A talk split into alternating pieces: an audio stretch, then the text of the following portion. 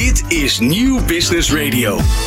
Ja, en eh, daar zijn we dan weer uur nummer 2 vanaf de Provada hier in Amsterdam. En eh, ja, we zijn nog tot 4 uur hier met straks natuurlijk eh, alles over Parijs. Het klimaatakkoord wat er is, 2030. De doelen die gehaald eh, moeten worden. We gaan eh, straks natuurlijk de beursvloer nog op, Fabienne. En ehm, ja, we hebben eigenlijk eh, zoals gisteren voor het eerst... Werner Schuiten elke dag hier te gast met eh, ja, de, de, de heroes van, van morgen eigenlijk, Ja, toch? En ik wil daar even wat over weten. Oké, vertel. Namelijk, als jij ehm, jouw hero zoektocht gisteren eh, zo eens even evalueert. De impacthelden. Ja, de impacthelden. Wat, eh, wat, wat is de opbrengst van gisteren? Oh, eh, gisteren hebben we vooral gekeken naar verscheidenheid. We hebben naar de, de circulaire eh, helden gekeken. Dus hoe kunnen we nou eh, voor zorgen dat onze materialen ook op waarde worden geschat en worden gehouden. Dan zie je toch nog wel dat het vooral blijft bij de voorbeeldprojectjes, bij de experimenten, maar nog niet het grote publiek heeft bereikt. Ja. Dus dat is nog wel de, de, de grote uitdaging. En vanochtend hebben we ook een andere programma eh, opgehad. en toen ging het voornamelijk over de, de young professionals als aanjager van de duurzaamheidstransitie in de sector. Eh, en dat kan worden geluisterd ook in de podcast. Ja, ja.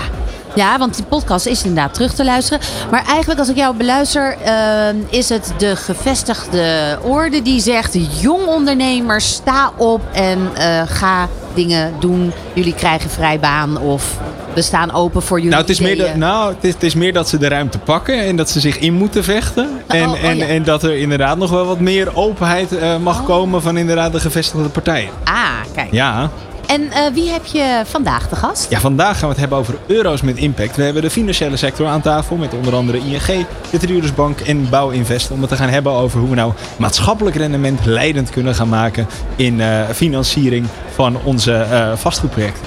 Mooi. Veel plezier. Ja, daar gaan we het over hebben. Ja, en eh, wij gaan straks verderop in dit uur ook nog praten met eh, Erik Faber van eh, Facton en Mirjam Hoekstra. Zij is van Woonstad Rotterdam. En dan gaat het over het G5-debat, eh, waar ze op zoek gaan ook naar de heroes van betaalbare woningproductie. Maar hier is dus Werner in gesprek met eh, zijn heroes. Ja, we gaan het hebben over euro's met impact. En eh, willen we namelijk onder het anderhalve graden klimaatbudget blijven van de bouw, dan is het nodig dat we biobased, circulair en energiepositief gaan bouwen. En tegelijkertijd ook dat we kleiner gaan wonen. En de financiële sector kan daarvoor natuurlijk een sleutelrol spelen in de verduurzaming. Maar hiervoor is het wel zaak dat niet louter het financiële rendement, maar juist ook het maatschappelijk rendement van investeringen de boventoon gaat voeren. Hoe dat kan, daar gaan we het over hebben in de komende 20, 25 minuten. En bij mij aan tafel zitten onder andere eh, het hoofd van Real Estate Finance bij ING, Hein Wegdam. Goedemiddag. Goedemiddag. We hebben ook het hoofd duurzaamheid en innovatie bij Bouwinvest, eh Bernard Korenberg, eh, Bernardo Korenberg. Goedemiddag. Hi, goedemiddag. En tenslotte Pauline Bieringa, directeur Triodos Nederland. Goedemiddag. Welkom allemaal. Eh, is dit de eerste dag op Provado? Of waren jullie hier gisteren ook al?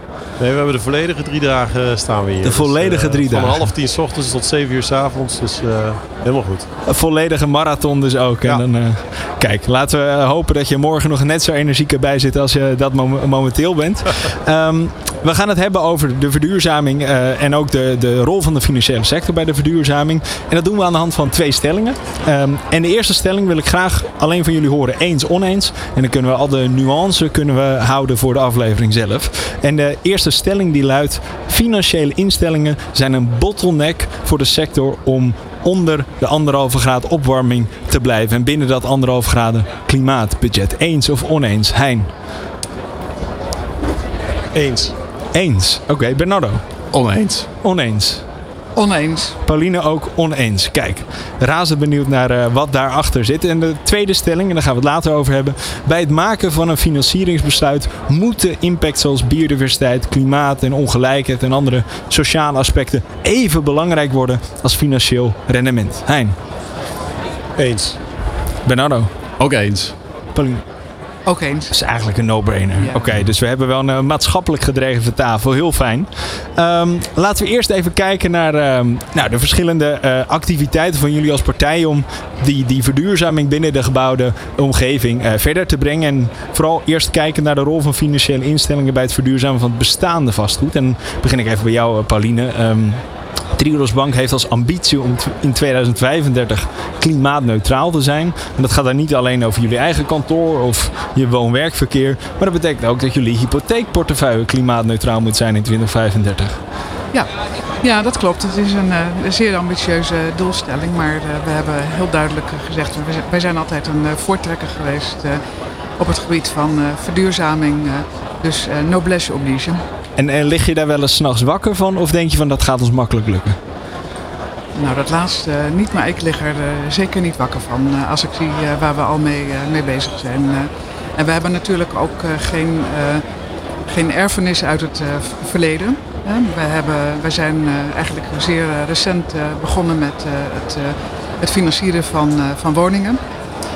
En vanaf het begin ook niet anders gedaan dan heel duidelijke criteria stellen aan eh, wat we wel en wat we niet eh, financieren. En daar zijn eh, de thema's die jij noemt in je tweede stelling een cruciaal onderdeel van.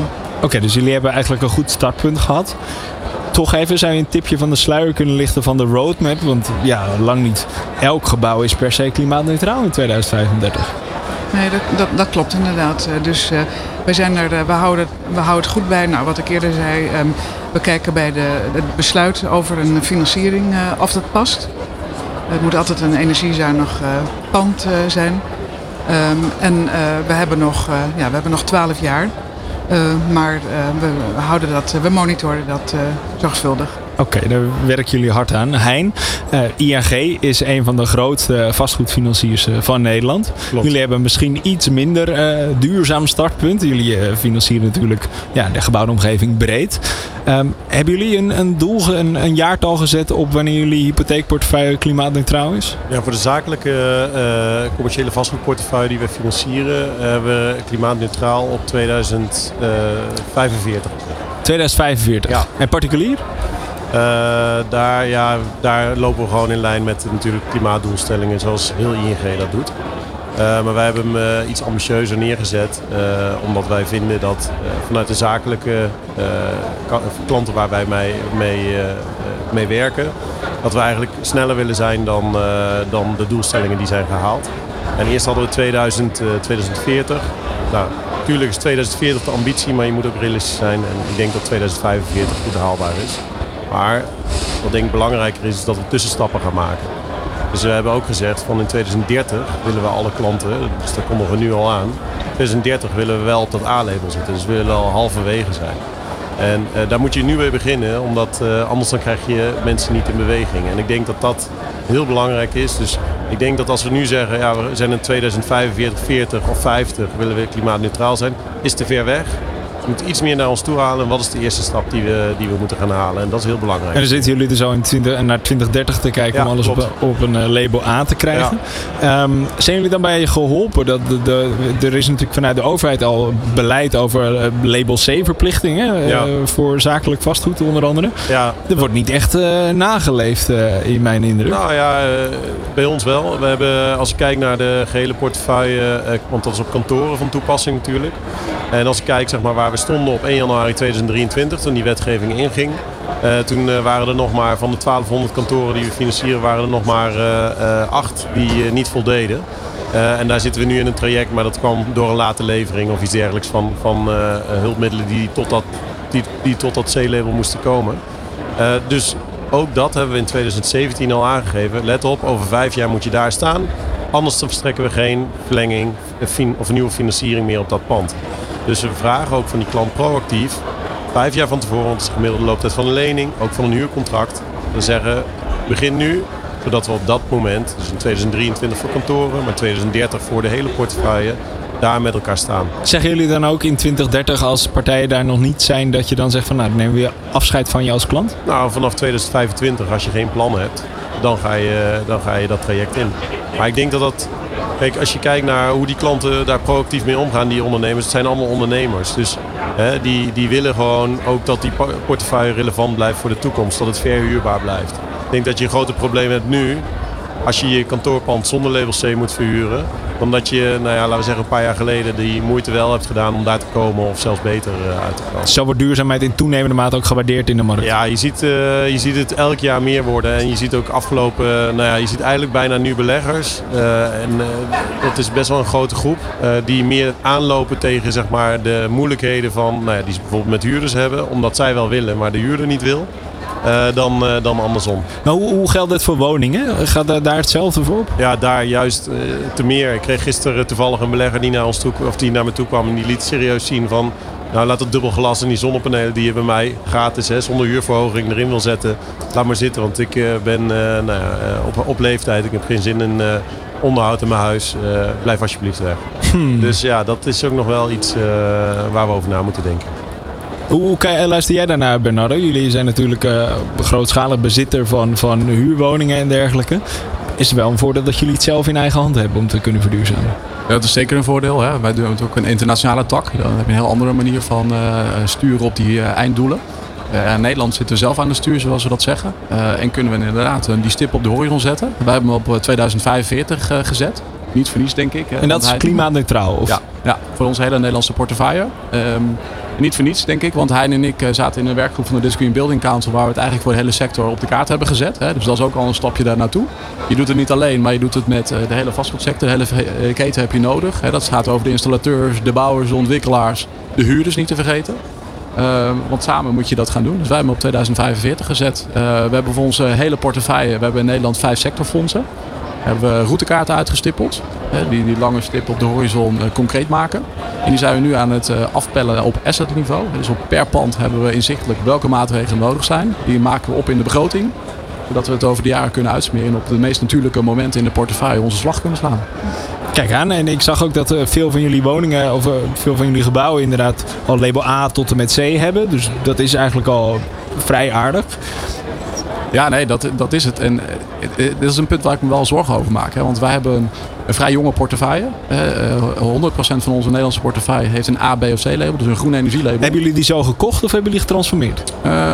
Deels gekocht en deels getransformeerd. Dus een combinatie van. We zijn natuurlijk al, al meer dan tien jaar bezig met die verduurzamingsslag. Ehm, maar daar, daar zit ook meteen mijn zorgpunt. Ehm, want met een A-label ben je er nog niet. Hè? Als je per Je begint pas. Je begint pas. En dat is ook de reden waarom ik me zorgen maak. Want wij hebben die sommetjes nu inzichtelijk. Eh, we hebben nog 20 jaar. Ehm, en wat betekent voor onze woningportefeuille, ruim 300 complexen, dat we elk jaar 10 complexen moeten verduurzamen. Hè, terwijl je al zo energiezuinig bent. Hè, dus dat energieverbruik moet drastisch naar beneden. En daar maak ik me in die zin wel een beetje zorgen om. Eh, want we weten wat we moeten doen. De techniek ligt er niet aan. Maar de, handjes moeten er zijn. Eh, eh, ook de samenwerkingspartner, denk aan energiebedrijven, netcongestie, alles komt erbij kijken. En dat wordt denk ik een heel ingewikkelde puzzel eh, met een heel hoog agentieniveau. Ja, enorme afhankelijkheden natuurlijk ook van, van partijen die, nou, die niet bij Bouwinvest horen. Wat ik me ook nog afvroeg, en een, een belangrijk onderdeel ook van het binnen anderhalve graden budget blijven is ook kleiner wonen. Proberen jullie daar als Bouwinvest ook op in te zetten? Eh, ja, dat is onderdeel van. Eh, we doen natuurlijk het een en ander op studentenhuisvesting. Ja. Ehm, hè, maar ook het, het, het samen gebruik maken van ruimtes. Hè, eh, communities. Creëren. woongemeenschappen, ja. Precies, en aanpalende functies ook. Hè. Denk aan mobiliteit, ook zo'n thema. Hè. Dat probeer je in clusters op te lossen. En dat is denk ik ook het mooie van ons product als, als Bouwinvest. We hebben de verschillende sectoren in ons palet. Hè, dus dan kun je ook mixed-use gebieden maken. Hè, in een stad, waar minder vervoersbewegingen dan nodig zijn. Dus ik denk dat dat heel mooi is in onze, in onze aanpak en waar we mee bezig zijn. Dat toch nog even naar een van de uitdagingen is natuurlijk ook de, de, ja, de woningbezitters die moeten verduurzamen. Als blijkt eh, een onderzoek van de Nederlandse Bank toont dat zo'n 86%, dit was wel voor de, de, de enorme inflatie, maar 86% van de woningeigenaren heeft de financiële ruimte in de hypotheek of in spaargeld om het eigen huis vergaand te verduurzamen. Maar slechts 5% van de huiseigenaren is eigenlijk bereid om meer dan 20.000 euro te investeren. Dat is natuurlijk best wel een, sociale uitdaging, eh, Pauline. Hoe, hoe gaan jullie daarmee om om nou, ook bewoners die een hypotheek misschien bij jullie hebben, daarop aan te spreken om, om verder te verduurzamen? Ja, nou, even terugkomend op mijn, mijn vorige opmerking. Kijk, wij, hebben al te maken met ehm, eh, eh, kopers van huizen die wilden verduurzamen. Daarom zijn ze bij ons gekomen. Dus die hebben dat. Die Dat selecteert zich eigenlijk al uit. Die, precies. eh, eh, ja. Wat dat betreft hebben wij natuurlijk een, ja, ook een bijzondere portefeuille hè, met maatschappelijk vastgoed. En huurders die echt bij ons komen om, eh, om te verduurzamen en ook gebruik maken van die eh, energiebespaarregeling die we, die we hebben. Of, of die op, op biobased wijze gaan willen bouwen. Hein, ik wil geloven dat dat voor ING een groot probleem is. Ja, dat is natuurlijk al, eh, nou ja, die portefeuille is natuurlijk in de afgelopen decennia al opgebouwd. Eh, en heb je toen de verantwoordelijkheid genomen om een huis te financieren, dan moet je dat nu nog doen. Hè? Bedoel, het zijn langlopende eh, financieringen. Ja, en wat je daar ziet, en ik heb ook best wel wat groepen gezeten om te kijken van oké, hoe kun je die huidige nou, huiseigenaar met die hypotheek nu bewegen in advisering. Dus ik bedoel, het is allemaal beschikbaar, financiering, advisering. Maar zeg maar echt de, nou ja, de aan de gang gaan daarmee, ja, dat blijft een hele moeilijke. En, eh, ja, je, je Hoe bent- prikkel je... ja, je geeft, probeert kortingen, je, je, gaat, eh, je kunt hogere financieringen opnemen, je geeft advies. eh, mensen kunnen bellen en er komt een adviseur langs, gewoon volledig op kosten van. Nog van geen ons. vervuilingsboetes of iets dergelijks? Nee, maar ja, je kunt, je kunt mensen ook die de capaciteit misschien financieel, maar misschien ook sociaal niet hebben om dat aan te pakken, die uitdaging. Ja, kun je ook niet verplichten om dat te doen. En Nee, dat klopt. Maar volgens de Nederlandse Bank is een hele grote draagkrachtige gro- groep die het zelf wel zou moeten kunnen. Ja, ja, die zou je op een gegeven moment eh, best, eh, best daarop aan kunnen spreken, Ja. op die verantwoordelijkheid. Maar ik weet niet of dat... Je kunt dat als bank doen, maar ik weet niet of dat de verantwoordelijkheid van een bank is. Maar meer een, kan ook een sociaal eh, verhaal zijn. Want je wil ook niet dat achterblijvers zeg maar een nog groter gat creëren. Eh, dat je alleen maar eigenlijk subsidieert dat de mensen die het wel kunnen dragen, dat die zeg maar eh, vooruit gaan lopen. En dat je de mensen met een, nou ja, die al bijvoorbeeld in een G-label woning wonen, die niet de capaciteit hebben of de draagkracht om te verduurzamen, dat die achterblijven. Dus dat is een heel ja, complex verhaal. Maar het is. het Maar je hebt wel. natuurlijk ook een overheid die 4 miljard stopt in een nationaal isolatieprogramma. Ja. Die energiearmoede tegengaat met zo'n 400 miljoen euro. Dus Nee, daarom. daar zijn ook andere partijen voor natuurlijk. Dus Nee, absoluut. zou jullie ING er niet van moeten weerhouden om natuurlijk prikkels Nee, te geven? daarom. kan Dus ik bedoel, voorstellen. dus, Ja. dus je moet die klanten moet je meenemen, daarin eh, proberen eh, ja, eh, te, te, te nudgen, noemen ze het ook wel eens. Maar in ieder geval te bewegen om, eh, om aan de slag te gaan. Maar Ja. het is, eh, het is eh, erg lastig. En ik Je, kunt het, je kunt het niet alleen. En wat Bernard net aangaf, dat ge- gezamenlijk oppakken, dat is gewoon echt cruciaal eh, Ja. in, dit, eh, in dit dossier. En ik wil eigenlijk ook, nu hebben we het vooral over het huidige vastgoed. En dan gaat heel snel over energie. Dus inderdaad, Paris Proof, dat eh, vereist veel meer dan energielabel A. Een di- kleiner deel van de opgave, maar is natuurlijk ook een grote, eh, grote opgave, is nieuwe vastgoed om die duurzaam eh, neer te zetten. En dan gaat het niet alleen over eh, eh, inderdaad energie eh, per vierkante meter, maar dan gaat het ook over biobased. Dan gaat het ook over eh remontabel of, of modulair bouwen. Ehm, kijk even naar jou, Pauline. Wat is de rol van de bank om bijvoorbeeld biobased eh, circulaire huizen aantrekkelijk te maken en ervoor te zorgen dat daar ook echt een markt voor eh, komt? Ja, we zijn er al mee begonnen. Vorig jaar eh, met de biobased hypotheek. Heel, heel bijzonder. Terwijl het natuurlijk eigenlijk helemaal niet zo bijzonder is. Want het is gewoon met hout bouwen bijvoorbeeld. Nou, dat doen we al honderden jaren. Alleen niet in Nederland. eh, maar het heeft eh, Time Magazine de voorpagina gehaald. eh, Kijk. dat, we, dat wij daarmee begonnen zijn. Want jullie geven korting op de rente Ja. als jullie een biobased huis hebben. Wat we eigenlijk ook al deden met, met, met duurzaamheidshypotheken vanaf het begin. Dus wij proberen het echt te, te stimuleren. Ik sprak net met eh, meneer van TreeTech, eh, die, die levert materiaal voor, de, voor de hout gebouwd. Eh, die gaf ook aan van, eh, nou alsjeblieft eh, maak reclame voor ons, ook bij de andere banken. Want het is echt heel mooi wat we daar kunnen doen. En hebben jullie al veel van die hypotheken verstrekt? Ik weet het niet uit mijn hoofd, maar we hebben wel een heel mooi project net gedaan. Dat komt volgens mij vandaag of morgen in het vastgoedjournaal. En is ook, komt ook een aanmerking voor de Provada-prijs. Dat is een eh, zorginstelling die we samen met Vios in, eh, in Rotterdam eh, gebouwd hebben. Dus Mooi. dat vind ik echt een heel mooi eh, voorbeeld. Ja, want als je hier over Provada loopt, dan denk je eigenlijk dat biobased bouwen, dat iedereen dat al doet. Als je kijkt naar alle stands, alles is haast uit hout opgetrokken. Maar de, de pijnlijke realiteit is natuurlijk dat het momenteel slechts nou 2 tot 4 procent van het aantal projecten is. Hein, eh, kunnen we bij nou, de grootste vastgoedfinancier van Nederland ook al een biobased hypotheek krijgen? Of is dat nog... Nee. Oké. Nee. Wanneer komt die? Ja, ik moet heel eerlijk zeggen dat ik. eh, We kunnen hem in de markt zetten, maar ik denk dat de afname daarvan eh, minimaal is. En eh, wat je nu ziet is, wij kijken zeg maar, wat, heeft wat is de behoefte van de belegger. En daar zie je eigenlijk eh eh groene hypotheken, dus in groenverklaringen. En daar kun je het ook deels in verwerken. En je ziet verduurzamingshypotheken, dus voor bestaand vastgoed om dat naar label A te krijgen. Nou, die hebben we allebei. En als ik zeg maar naar onze klanten kijk, die zitten veel in bestaand vastgoed. Eh, daar zie ik nog niet de behoefte voor die, voor die biobased oplossingen. Ehm, dus ja, hij, nee, hij is er nog niet. En, eh, maar goed, wij kijken natuurlijk, we zijn wel zo innovatief om te kijken van oké, mocht een klant daarmee aankomen, dan gaan wij daar natuurlijk wel kijken van, eh, kunnen we daar bij wijze van spreken een incentive of geven? Kun kunnen we daar helpen om te adviseren. Maar zou je dat niet willen aanjagen juist ook? Ja, tuurlijk. Nee, Want zeker. dit klinkt maar meer als- reactief. Nee, dat klopt. Maar het is wel zo dat, dat eh, wij een heel groot deel van onze portefeuille is eigenlijk eh, bestaand vastgoed. En eh, nou, vooral met de huidige stilval van de bouw, eh, toevoeging is maar heel minimaal. En eh, dus, nou ja, goed, zeker een punt om, eh, om mee aan de slag te gaan. Ehm, maar ja, ik merk dat het nog niet, eh, niet heel erg eh, geabsorbeerd wordt door de markt. Dat is de, de rol die wij dan hebben als, als belegger. eh, toch die markt uitdagen, die projectontwikkelaar. eh, het latje telkens een stukje hoger leggen. In ons programma van IJzer bijvoorbeeld. die kwaliteitsnormen omhoog zetten. En soms een beetje lef hebben. En dat bedoel ik als je het hebt over aankoop van circulaire gebouwen. Eh, taxateurs die waarderen dat nog niet echt in hun modellen. Dan moet je als eh, belegger toch zeggen, hè, dit is onze visie. En wij geloven daarin, die aanpasbaarheid van zo'n gebouw. Die circulariteit die komt terug in de waarde op termijn. En dus bereid zijn om de portemonnee te trekken en iets meer eh, te bieden voor zo'n eh, asset. En eigenlijk dus de markt maken. En hebben jullie harde doelen voor biobased en circulaire gebouwen? Niet in de zin dat we harde doelen hebben. Eh, we nemen het wel mee in onze kwaliteitsnorm. Hè, dat we daar extra op letten. eh, en strakker gaan zitten dan de MPG die wettelijk voorgeschreven wordt. Dus daar gaan we strakker in de wedstrijd zitten. Maar het is nog niet zo dat we alle gebouwen op een bepaald level willen hebben, minimaal. Dat- Niet zo dat jullie zeggen 2025, we doen alleen maar hout waar het kan. Zover zijn we nog niet. Nee. Oké. Maar ik kan me voorstellen, jij als lead sustainability binnen eh Bouw Invest. Ja, wat mij betreft al, doen we dat morgen. Eh, maar het is inderdaad, hè, we zijn bezig met pensioengeld beleggen. Dat moet wel op een verantwoorde manier gebeuren. Eh, daar moeten goede en juiste keuzes in gemaakt worden. Maar dat we ervoor gaan, eh, eh, dat is zeker. Alleen de termijn waarop, dat is even... Bedoel je te zeggen dat het biobased bouwen soms simpelweg nog niet uit kan qua rendement? Ik denk dat je eh, op dit moment moet je extra betalen voor een, een soort een houten gebouw. En meer biobased materialen en dergelijke. Eh, dus dat zie je op dit moment nog wel eh, terug in een hogere aankoopprijs. Nou, dat brengt ons ook bij de tweede stelling. Hè. Bij investeringsbesluiten moeten we impact minstens zo belangrijk maken als financieel rendement.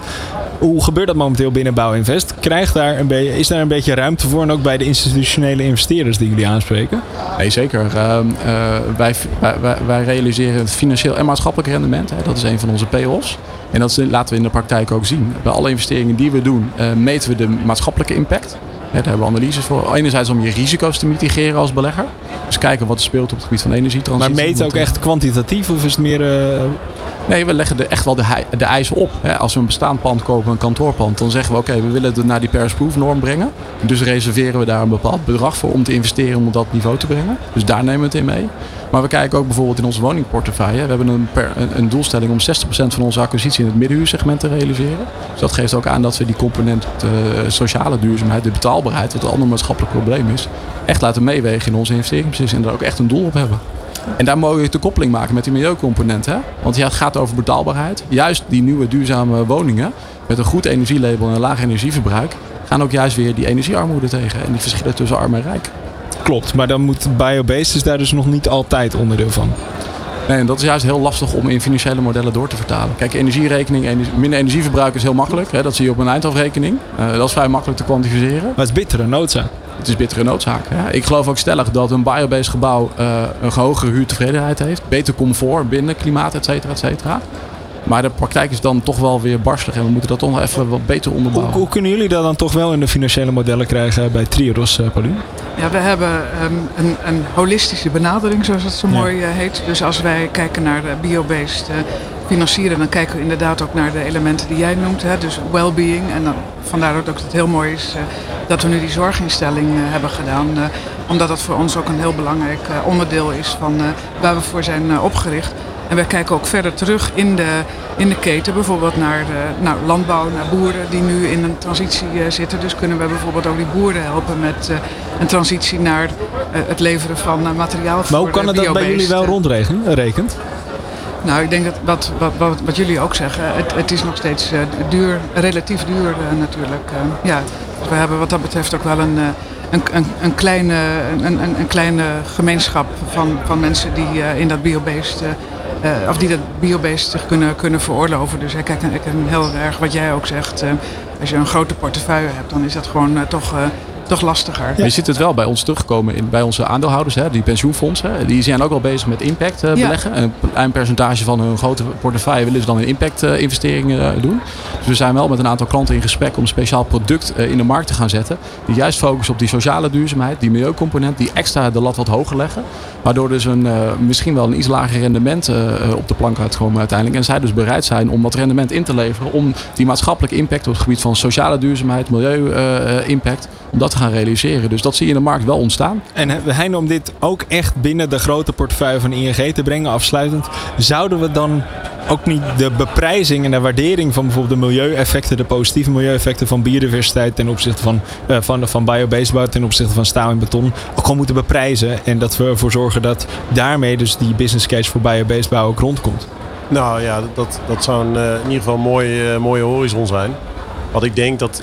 Een mooie horizon, maar niet iets wat we komend jaar moeten gaan implementeren. Nee, nee ja, ik denk, denk dat je daarmee... eh, eh, nee, ik denk het niet. Want ik denk dat het ook nog niet realiseerbaar is qua capaciteit. Eh, wat, wat ik wel denk, is dat je... kijk, kijk naar de regelgeving die er vanuit Europa komt. Daar krijgen we allemaal mee te maken. En die hebben die elementen erin zitten. We kunnen, wat we kunnen doen, hè, we kunnen voor, voor de markt uitlopen en zeggen... oké, nu gaan we het op deze manier beprijzen, op die manier. Maar ik denk als je kijkt hoe snel die rapportageregelgeving... die gaat al 24, 25 gaat die al komen voor grote bedrijven. Eh, en die verplicht grote bedrijven om de keten in beeld te brengen. Dus de keten, waar komen mijn eh, aanvoerstromen vandaan en waar gaat mijn eh, product naartoe? En wat is de impact eigenlijk op de aarde die ik heb met het verkopen van mijn Ja. Nou, dat gaat die keten, in die keten zitten natuurlijk allemaal kleinere toeleveranciers. Dus die moeten daar ook aan gaan voldoen. Transparantie inderdaad, Precies. maar nog geen beprijzing. Nee, dat klopt. Maar dan krijg je vanzelf op dat moment, als je kan gaan zien van wat is nou, nou ja, grijs en wat is nou groen. Dan kun je gaan zeggen, oké, dan geven we voor groen een korting of we gaan grijs beprijzen. En dat ga je vanzelf ga je dat in de markt zien. En dat zie je nu al. Dat je eigenlijk op goede groene producten is de markt bereid minder rendement te krijgen dan op grijze producten. Omdat het risico daar ingeprijsd wordt. Omdat die zeg maar, duurder worden qua, qua risico. En dat is, een, dat is precies wat je wil. En dat is wat de markt doet. En daar, dat kunnen wij alleen maar aanjagen. Nou, laten we hopen dat dat veel meer gebeurt, zodat biobased en circulair hier ook binnen no time binnen gaan vallen. Ik dank jullie hartelijk. Eh hein Weg dan van ING, Bernardo Korenberg van Bouwinvest en Pauline Bieninga van Triodos. Fijne middag. Dit is Nieuw Business Radio. Live vanaf de Provada in Amsterdam eh, zijn wij eh, de hele middag nog te horen tot 4 uur. En Ron is eh, ergens op de, op de beurs aan Ja, zeker. zeker. Ik heb, zoals ik eigenlijk al zei, ik heb vanmorgen een rondje gelopen. Ja. En ik, ik kwam een stand tegen dat ik dacht van, oh, ik zie hier van alles. Ik zie hier duikers, ik zie hier mensen in de grond vroeten. Ik zie hier bommen uit de grond komen. Ik zie graafmachines. En ik zie Sievelink. Ze zijn een ingenieursbureau. Bram Kroon staat bij me. Goedendag, hoi. Ja, je hebt het vanmorgen al een beetje uitgelegd, maar wat jullie eigenlijk doen is jullie zorgen dat ehm, eh, de, de grondbouw rijp gemaakt kan worden, toch? Ja, wij zorgen eigenlijk dat de ontwikkelaar het he- helemaal ontzorgd wordt eigenlijk in het hele traject om zijn vergunning te krijgen. Ja, hij, hij moet bestemmingsplannen technisch alles voor elkaar krijgen. Hij moet een bodemonderzoek hebben, ecologisch onderzoek, archeologisch onderzoek, explosief onderzoek in sommige gevallen. En als er nog een gebouw staat, dan moet dat vaak weg. En dat kunnen we ook nog eens vanuit de circulaire gedachte helemaal begeleiden. Wij zijn niet een aannemer, maar een adviesbureau. En we ontzorgen zo'n opdrachtgever volledig vanuit die IDS. Ja, ik ehm, toch even terug naar de geschiedenis, want er ligt nog veel explosief materiaal in de grond, toch? Klopt, klopt. In de Tweede Wereldoorlog is er natuurlijk gebombardeerd. Uit de historische informatie eh, kunnen we heel goed halen waar bijvoorbeeld er nog eh, explosieven kunnen bevinden. Eigenlijk is de oorlog heel goed gedocumenteerd. Hè? Die vliegtuigen die hadden bijvoorbeeld eh, tien bommen bij zich. En op foto, luchtfoto's, die ook gemaakt zijn in die tijd, kan je bijvoorbeeld acht kraters zien. Dat betekent dat er misschien nog twee blindgangers liggen. En zo kunnen we helemaal analyseren op een locatie waar mogelijk potentieel nog explosieven liggen. Zo hebben we vorig jaar project in Huizen gedaan. Daar hebben we door het vooronderzoek, het, alle vervolgonderzoeken, uiteindelijk een 500 bonden gevonden. Dat is een hele zware bom. Dat was midden in de woonwijk. Dan moest daar een huis echt ontruimd worden om die bom uiteindelijk eh, weg te halen. Het is jammer dat de mensen op de radio het natuurlijk niet kunnen zien. Maar we hebben hier wat mooi beeldmateriaal op de beurs staan. Maar dat is ook zo'n project waar IDS het totaal aan. Dat was ook een project waar we naast explosieven ook archeologie hadden. Ook een bodemverontreiniging. Doordat we dat integraal aanpakken, ja, kunnen we daar een topresultaat voor de opdrachtgever realiseren. En begeleiden jullie dan dat hele proces? Dus zeg maar, eh, dat, dat op het moment dat, hè, stel er wordt zo'n bom in de grond gevonden of ander archeologisch materiaal, want dat kan ook een hele tijd duren. Maar eh, stel even die bom, hè, die wordt gevonden. Begeleiden jullie dan het hele proces dat eh, eigenlijk de buurt op de hoogte gebracht wordt, dat soort zaken? Wie, wie doet dat? Wij doen eigenlijk vanaf een vooronderzoek, hè, dus met die luchtfoto's en die bomgegevens uit de, de Tweede Wereldoorlog en, en kaarten met verdachte gebieden. Daarmee beginnen we eigenlijk het onderzoek. En dan gaan we steeds verder op de locatie inzoomen. Op de locatie zelf scannen wij dan eigenlijk of dat er metalen zitten en daarmee kunnen we interpreteren of dat het wel of niet een bom zou kunnen zijn. Vervolgens kunnen wij die benaderen. Hè, dus leggen we dus die bom bloot vanuit die DDS. En dan moeten we eigenlijk de EED bellen, want die mogen wij niet zelf afvoeren. Dan moeten we hem ook Dat is bekend. EOD. Hè, en dan komt ook de burgemeester erbij en dergelijke. Maar wij, wij ook die, die communicatie en de afstemming en de overdracht naar de EOD, dat verzorgen wij allemaal. Dus je opdrachtgever wordt totaal ontzorgd. Ehm, dat is maar één aspect. Ik zie hier een, eh, de schijf van, eh, ik tel even snel, acht.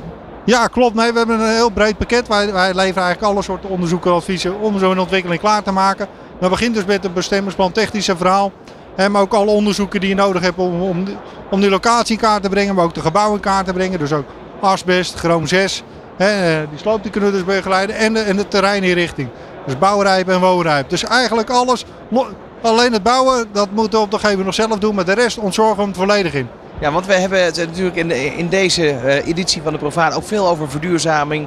Met name, hè, eh, eh, vandaag is Paris, hè, dat staat hoog in het vaandel. Ecologie, wat, wat doen jullie dan precies met dat facet?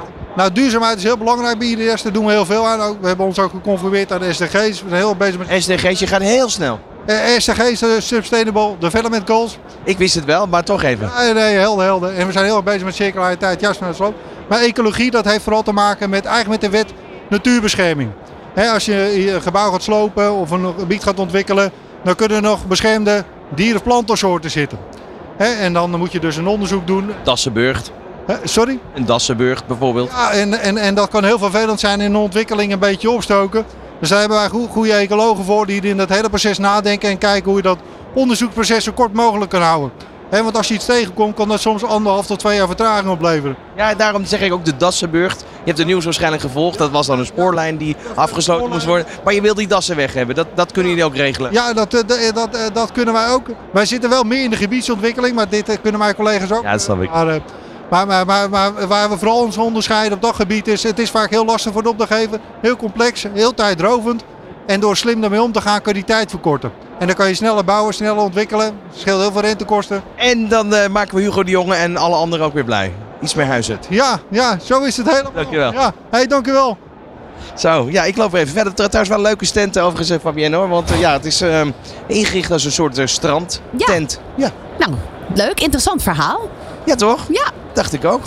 nou, hier Ja. zit, eh, ik, ik loop ondertussen even verder. Hier zie ik allemaal mensen met een koptelefoon op. Silent Ja. disco. Ja, Kom je ook vaak tegen, hè? Ja, dat is, eh, men wil echt dat ze gewoon gehoord worden. Dat is wel duidelijk. Want er zijn op meerdere plekken zijn dus die eh, silent disco koptelefoons. Waardoor ze gewoon die sessies beter kunnen volgen. Ehm, eh, geen disco muziek dan. Maar wel interessante, inspirerende bijeenkomsten beter te beluisteren. Ehm, volgens mij ga jij straks ook nog, of ik, naar het... eh, Paris Proof plein. Ben jij daar al in de buurt? Ehm, nou, ik sterker nog, ik sta aan de kopse kant. ja, ik kan wel even een beetje, een beetje vertellen wat ik hier zie. Het is inderdaad, het is, het is leuk ingericht. Je hebt hier ook nog een eh, forum, Forum 1, die overigens ook eh, live te horen is via de website van de Provada. Ehm, daar worden allerlei sessies ja, behandeld natuurlijk. Eh, maar dan heb je hier inderdaad het Paris Proof, Proof plein. Ehm, en wat zie ik hier? Ik zie hier onder andere Vattenfall staan. Nou, eh, het- ze hebben het hier over het energiekompas. We gaan daar straks natuurlijk uitgebreid eh, over doorpraten. Ehm, ja, allerlei kleine, kleine steentjes eigenlijk met, ja, eh, nou ja, ik denk producten ook vooral. Zie ik zonnepanelen, airco-systemen die allemaal ja, in, in de Paris Proof ja. eh, ja, Nou, ambitie nou- liggen. Ga jij eens even op zoek naar de noviteiten eh, die ervoor gaan zorgen dat we dat die dat, nou ja, dat bedrijven Paris Proof kunnen zijn in 2030? Ja. Nou, ik ben ook wel even benieuwd gewoon naar de bezoekers. Als ik nou een bezoeker aanspreek bijvoorbeeld. Hoe is tot nu toe voor jou de Provada? Hoeveel, eh, hoeveel, hoeveel minuten ben je hier al? Ik ben hier eh gisteren vier uur geweest en vandaag net een half uurtje. En, hoe bevalt het? Uh, ja, mooie plek. Het is uh, druk. Veel, uh, veel verschillende mensen, moet ik zeggen. Het is prachtig om te zien alle verschillende hoeken vanuit deze markt die natuurlijk bij elkaar komen. Ik ben een startend ondernemer, dus het is altijd mooi om een beetje op de... For your brand zie ik. Wat doe je precies? Ik bevind mij in de marketing van, rondom, van en rondom de vastgoed- en makelaardij. Ja. Dus daar weet je veel van en vervolgens ga je het in de markt zetten. En hoe lang ben je al bezig? Sorry? Hoe lang ben je al bezig? Uh, ja, lang verhaal. Wij, ik ben, lang verhaal kort, ik ben vijf jaar bezig als student begonnen. En nu twee jaar lang uh, echt vol aan de bak. En uh, ook veel innovaties gedaan natuurlijk in de afgelopen tijd. Dus al met al twee jaar actief nu. Ja. Waar ga je nu op zoek specifiek naar hier op de Provada? er lopen een paar klanten van mij hier rond. Dus, dus even de handen schudden en even, even bijpraten met het huidige netwerk. Maar ook het verbreden van het netwerk. En leren van de innovaties die hier plaatsvinden. Heb je nog een innovatie al gezien dat je denkt van nou, die neem ik mee. Die weet ik over een half jaar nog precies uit te leggen.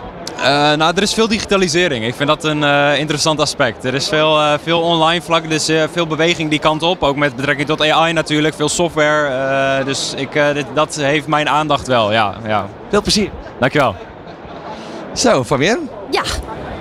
Ja, AI uh, dringt ook uh, hier door in de vastgoedmarkt. Hartstikke goed. We hebben gisteren ook geleerd dat de digitalisering ook de processen kan versnellen. Waardoor er uh, ook sneller woningen gebouwd kunnen worden. Wij gaan straks verder praten en kijken wat er allemaal op de future, de, de, de Paris Proof, Paris Proofplein gebeurt. Uh, en straks uh, ook in gesprek met Erik Faber van Facton en Mirjam Hoekstra van Woonstad Rotterdam. Duiken we weer even in uh, de heroes van de betaalbare woonproducties. Dit is Nieuw Business Radio. Het is team voor twee inmiddels alweer. Het gaat zo ja, snel. zit alweer halverwege. Hartstikke goed. Ja, ik ga straks terug naar dat Paris Proof. Ja, dat, dat, dat, uh, dat, dat prikkelt jou altijd wel dan. Hè? interessant. Ja, zeker. Maar dit is ook interessant. Het, uh, het kabinet uh, wil de betaalbaarheid van huur- en koopwoningen voor middeninkomers verbeteren. Nou, dat is duidelijk. Daar hebben we al meerdere keren over gesproken. tegelijkertijd staat de haalbaarheid van nieuwbouwprojecten ook onder druk door de hoge bouwkosten en lage opbrengsten. Nou, om te zorgen dat de productie niet helemaal stil gaat vallen, zijn diverse gemeenten bezig met doorbouwakkoorden akkoorden. In uh, Rotterdam hebben we vanmorgen over gehad. En heeft de G5 onlangs een brandbrief aan het Rijk gestuurd om steun te vragen bij de woonbouwopgave. Um, ja, we gaan hierover in gesprek met Erik Faber van Facton en Mirjam Hoekstra van Woonstad Rotterdam. Hartelijk welkom allebei. Ja, um, een belangrijk topic. Dat was het eigenlijk vorig jaar al die, die G5-discussies. Als we nou even de optelsom van het afgelopen jaar nemen, wat is, er, wat is er gebeurd? Het doorbouwen is één iets. Van, we moeten gewoon door, even stoppen met praten, maar actie ondernemen. En wat nog meer? Ik denk dat uh, inmiddels wat meer zicht is op wat zijn nou de specifieke elementen die we aan moeten pakken. Want aan ambitie geen gebrek. Hè? Nee. Dat was vorig jaar ook. Precies. Um, dus in mijn beleving is er veel meer beeld, ook op lokaal en regionaal niveau. Wat is nou daar specifiek aan de hand en wat moet daar gebeuren? En dat zie je dan ook wat meer in de regionale doorbouwakkoorden terug. Ja, want zo'n doorbouwakkoord, wat, wat, uh, uh, waar bestaat dat uit? Nou, in het geval van Rotterdam, hè, Woonstad uh, is een Rotterdamse corporatie. Um, zijn het eigenlijk uh, 50 tot 60 partijen die zich uh, committen aan um, ja, de, de regio om daar specifiek projecten mogelijk te maken. Um, deel daarvan is dat we dat in transparantie doen. Dus dat we echt specifiek naar projecten kijken. Wat is daar nodig? Wie moet welke duit in het zakje doen? Uh, en dat begint natuurlijk bij dat iedereen dat bereid is. En dat staat in zo'n akkoord. Ja, precies. Dus dat, en dat is al een grote verschuiving met vorig jaar. Want iedereen besefte heus wel dat ze wat moesten doen. Maar ze lieten zich niet in de kaarten kijken. Die transparantie was echt noodzakelijk om de keten met elkaar in beweging te krijgen. Ja. Dat is een mooie winst, Erik. Ja, maar ook denk ik een winst uit noodzaak. Um, uiteindelijk willen partijen ook uh, door. Uh, dus je kunt hem zakelijk insteken. partijen die in de vastgoedkolom actief zijn, willen uiteindelijk hun mensen behouden. Dus de aannemers die willen uiteindelijk dus projecten binnenhalen. Ontwikkelaars willen door corporaties uh, hebben ook een, uh, vanuit de prestatieafspraken met het Rijk ook eigenlijk een, een doel. Um, maar je kan er ook zeg maar maatschappelijk naar kijken. er is een enorm tekort aan woningen. En er zijn heel veel mensen die eigenlijk in een woning wonen waar ze niet willen wonen. en zijn op zoek naar een eigen woning. Op dit moment zijn er rond de 400.000 woningen eigenlijk tekort in Nederland. Voel je dat op straat?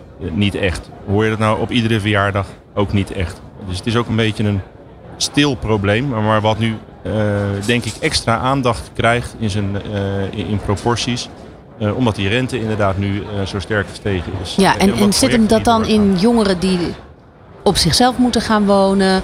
Ehm, Ja, ik heb legio voorbeelden, dat dan wel op de verjaardag. eh, waar gewoon kinderen boven de 20 jaar nog, nog thuis wonen. En eh, vroeger was dat eh, zeldzaam en nu is het eigenlijk heel gewoon. ja, Nou, dat kan komen omdat papa en mama zo lief zijn en zo lekker koken en wassen. Nee, maar het kan er ook voor uit voortkomen dat, ja, dat die baan van 3000, eh, 3000 euro bruto salaris per maand... gewoon op dit moment geen woning eh, oplevert om te kopen of te huren. nee, nee, dus die betaalbare woningen die moeten, er, die moeten er komen.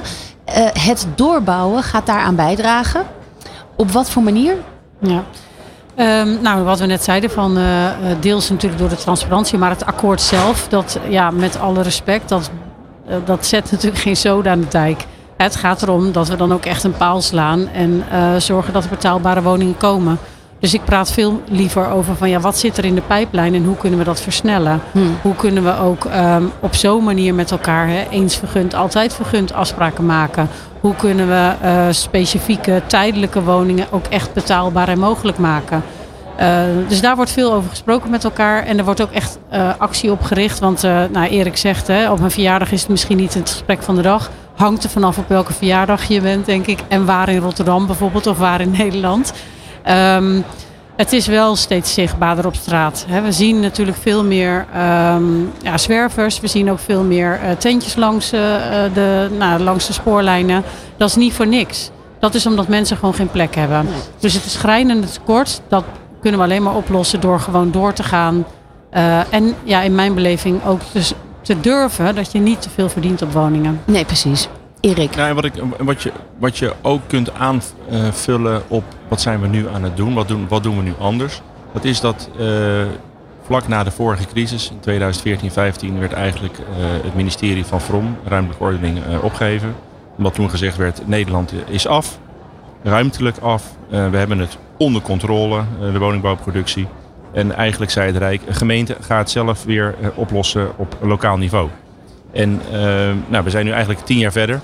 En ja, er zijn exogene factoren waarom we extra in de problemen zijn gekomen. Maar je ziet ook dat eh, het Rijk nodig is eh, om uiteindelijk op lokaal niveau tot oplossingen te komen. Dus het Rijk heeft een mobiliteitsfonds van 7,5 miljard. Het Rijk heeft eh, nu 350 miljoen uitgetrokken om zeg maar doorbouwakkoorden extra te stimuleren naast de doorbouw financi- financiële middelen die een, stad als Rotterdam beschikbaar stelt. Maar je ziet gewoon dat eh, gemeenten het niet alleen kunnen. En daarbij zijn, zijn de provincies eigenlijk een beetje tussen de bal en het schip eh, eh, gekomen. En daar zat ook te weinig druk, te weinig moed van. Er moet op lokaal niveau worden doorgepakt. En je ziet nu eigenlijk dat met het, vanuit het actiepakket van, van Hugo de Jonge, vanuit BZK, dat het Rijk, provincie, gemeente weer veel dichter tegen elkaar moeten georganiseerd worden. En ja, dat begint met praattafels en ja, dat begint met, met handtekeningen. Maar Maar dat begint ook met minder wetgeving en regelgeving. Of in elk geval laagdrempeliger. Ja, ik denk veel meer met ehm, proberen die wet en regelgeving een beetje parallel te laten lopen. Dus een van de grootste versnellingen die we zouden kunnen halen met elkaar is ehm, dat je al wel vast risico neemt voordat je de vergunning hebt. En meer vanuit gentleman's agreement van nou waarschijnlijk komt die vergunning wel goed. We gaan alvast bestellen of we gaan alvast... En dat, dat is natuurlijk nieuw in deze business. Want het is juist vanwege die hoge bouwkosten enorm risicovol door wel al stappen te nemen. Maar daar zit een Ja. deel van de versnelling. Ja, want is dat nog eh, is dat eh, eh, verhou- verhoudingsgewijs haalbaar? Eh, betaalbare woningen creëren, duurzame woningen creëren, die dus ook betaalbaar te bouwen zijn. Ja, dat, staat, dat staat op gespannen voet. Eh, we moeten aan Paris Proof 2050 voldoen. En daar zit een actiepakket aan vast. Dat is doorgerekend. Dat je bovenop de huidige bouwkosten kan je daar gerust 20, 25 procent bovenop zetten. Dat zit er niet in. Sterker nog, we moeten 20, 25 procent naar beneden in de bouwkosten om die betaalbare woning eh, te kunnen Ja. bouwen. Dus ja, we moeten Paris Proof. Ja, de aarde mag niet verder dan anderhalve graad opwarmen. Dus we zullen ongelooflijk creatief, en, en dat is wel een ding, een ding wat in de sector blijft hangen. We moeten innoveren, we, we moeten meer naar een gestandaardiseerd eh, woonproduct. Maar het Ja, feit is ook- prefab is daarin een dat- oplossing. ja, maar op dit moment staan er 2000 flexibele woningen eh, staan in garages, geproduceerd door partijen ehm, die gewoon direct naar de markt kunnen, maar die door commissies welstand worden tegengehouden of op, dat mensen die woningen niet in de buurt willen. Er zijn 2000 woningen staan gewoon klaar, 23 tot 46 vierkante meter, om in de markt te worden gebracht. Dus Ja, complexiteit vanuit regelgeving. Maar ook de mondige burger die niet altijd die woningen naast zijn eigen huis wil hebben staan. Dat maakt het complex. En ja, Nederland wordt drukker. Dus het, de problemen zullen daar niet minder worden. Nee, en net nu je eigenlijk de, de participatie van bewoners eh, wordt ook aangetrokken in het hele geheel. Dus dat, dat wordt dan alleen maar een grotere schuurpapier. Ja, nou ja, ehm, ik Hoe zeg niet dat het de oplossing is, maar een van de dingen waar we bij Woonstad echt kritisch op zijn, is dat not in my backyard. Dat is niet voor niks. Hè? Dus ik zeg niet dat we daarmee alle eh, argumenten eh, serieus moeten nemen. Maar het is nou eenmaal zo dat als jij als burger in de omgeving helemaal niks daar zelf aan hebt, dan ben je ook minder geneigd om daar ja op te zeggen. Dus kunnen we toevoegen wat ook ten gunste komt van die buurt. Dat bijvoorbeeld ehm, de jongeren in die buurt voorrang krijgen in die woningen. Eh, en dat we daarnaast dan ook nog wat hulpzoekenden daar kunnen plaatsen. Ik denk dat we veel meer naar een win-win moeten zoeken. Want als we alleen maar toevoegen zonder dat de omgeving daar direct voordeel aan heeft, dan, eh, dan gaat het nog misschuren, zoals jij zegt. Ja, precies. Nou, één ding staat als een paal boven water. Er moet gehandeld worden en niet meer alleen gesproken worden. En volgens mij zijn jullie continu daarover ook in gesprek. Woonstad heeft zich in ieder geval gecommitteerd aan 5000 woningen de komende jaren en die gaan er zeker komen. Dankjewel. het doorbouwakkoord getekend, dus wij doen ook mee. Hey, kijk, nou, dat zijn allemaal eh, mooie initiatieven. Dankjewel Erik Faber en Marjan Hoekstra. Dankjewel. Ja, en wij gaan zo meteen eh, door. Alweer in het eh, derde uur, zeg maar. Eh, We gaan straks praten met Milieuservice. En we gaan dus inderdaad doen waar het thema vandaag om draait. Paris Proof. Hoe word je dat? En we gaan naar het Paris Proofplein. En verder gaan we het nog hebben over klimaat, klimaatadaptief. Hein Wegdam komt langs. Ook alles te maken met eh Paris Proof. En we hebben nog BAM Wonen, die een grote bouwer natuurlijk Ja, ook, ja. die hier voorbij komt. Komende uur hier op Nieuw Business Radio, live vanaf de Provada. Dit is Nieuw Business Radio.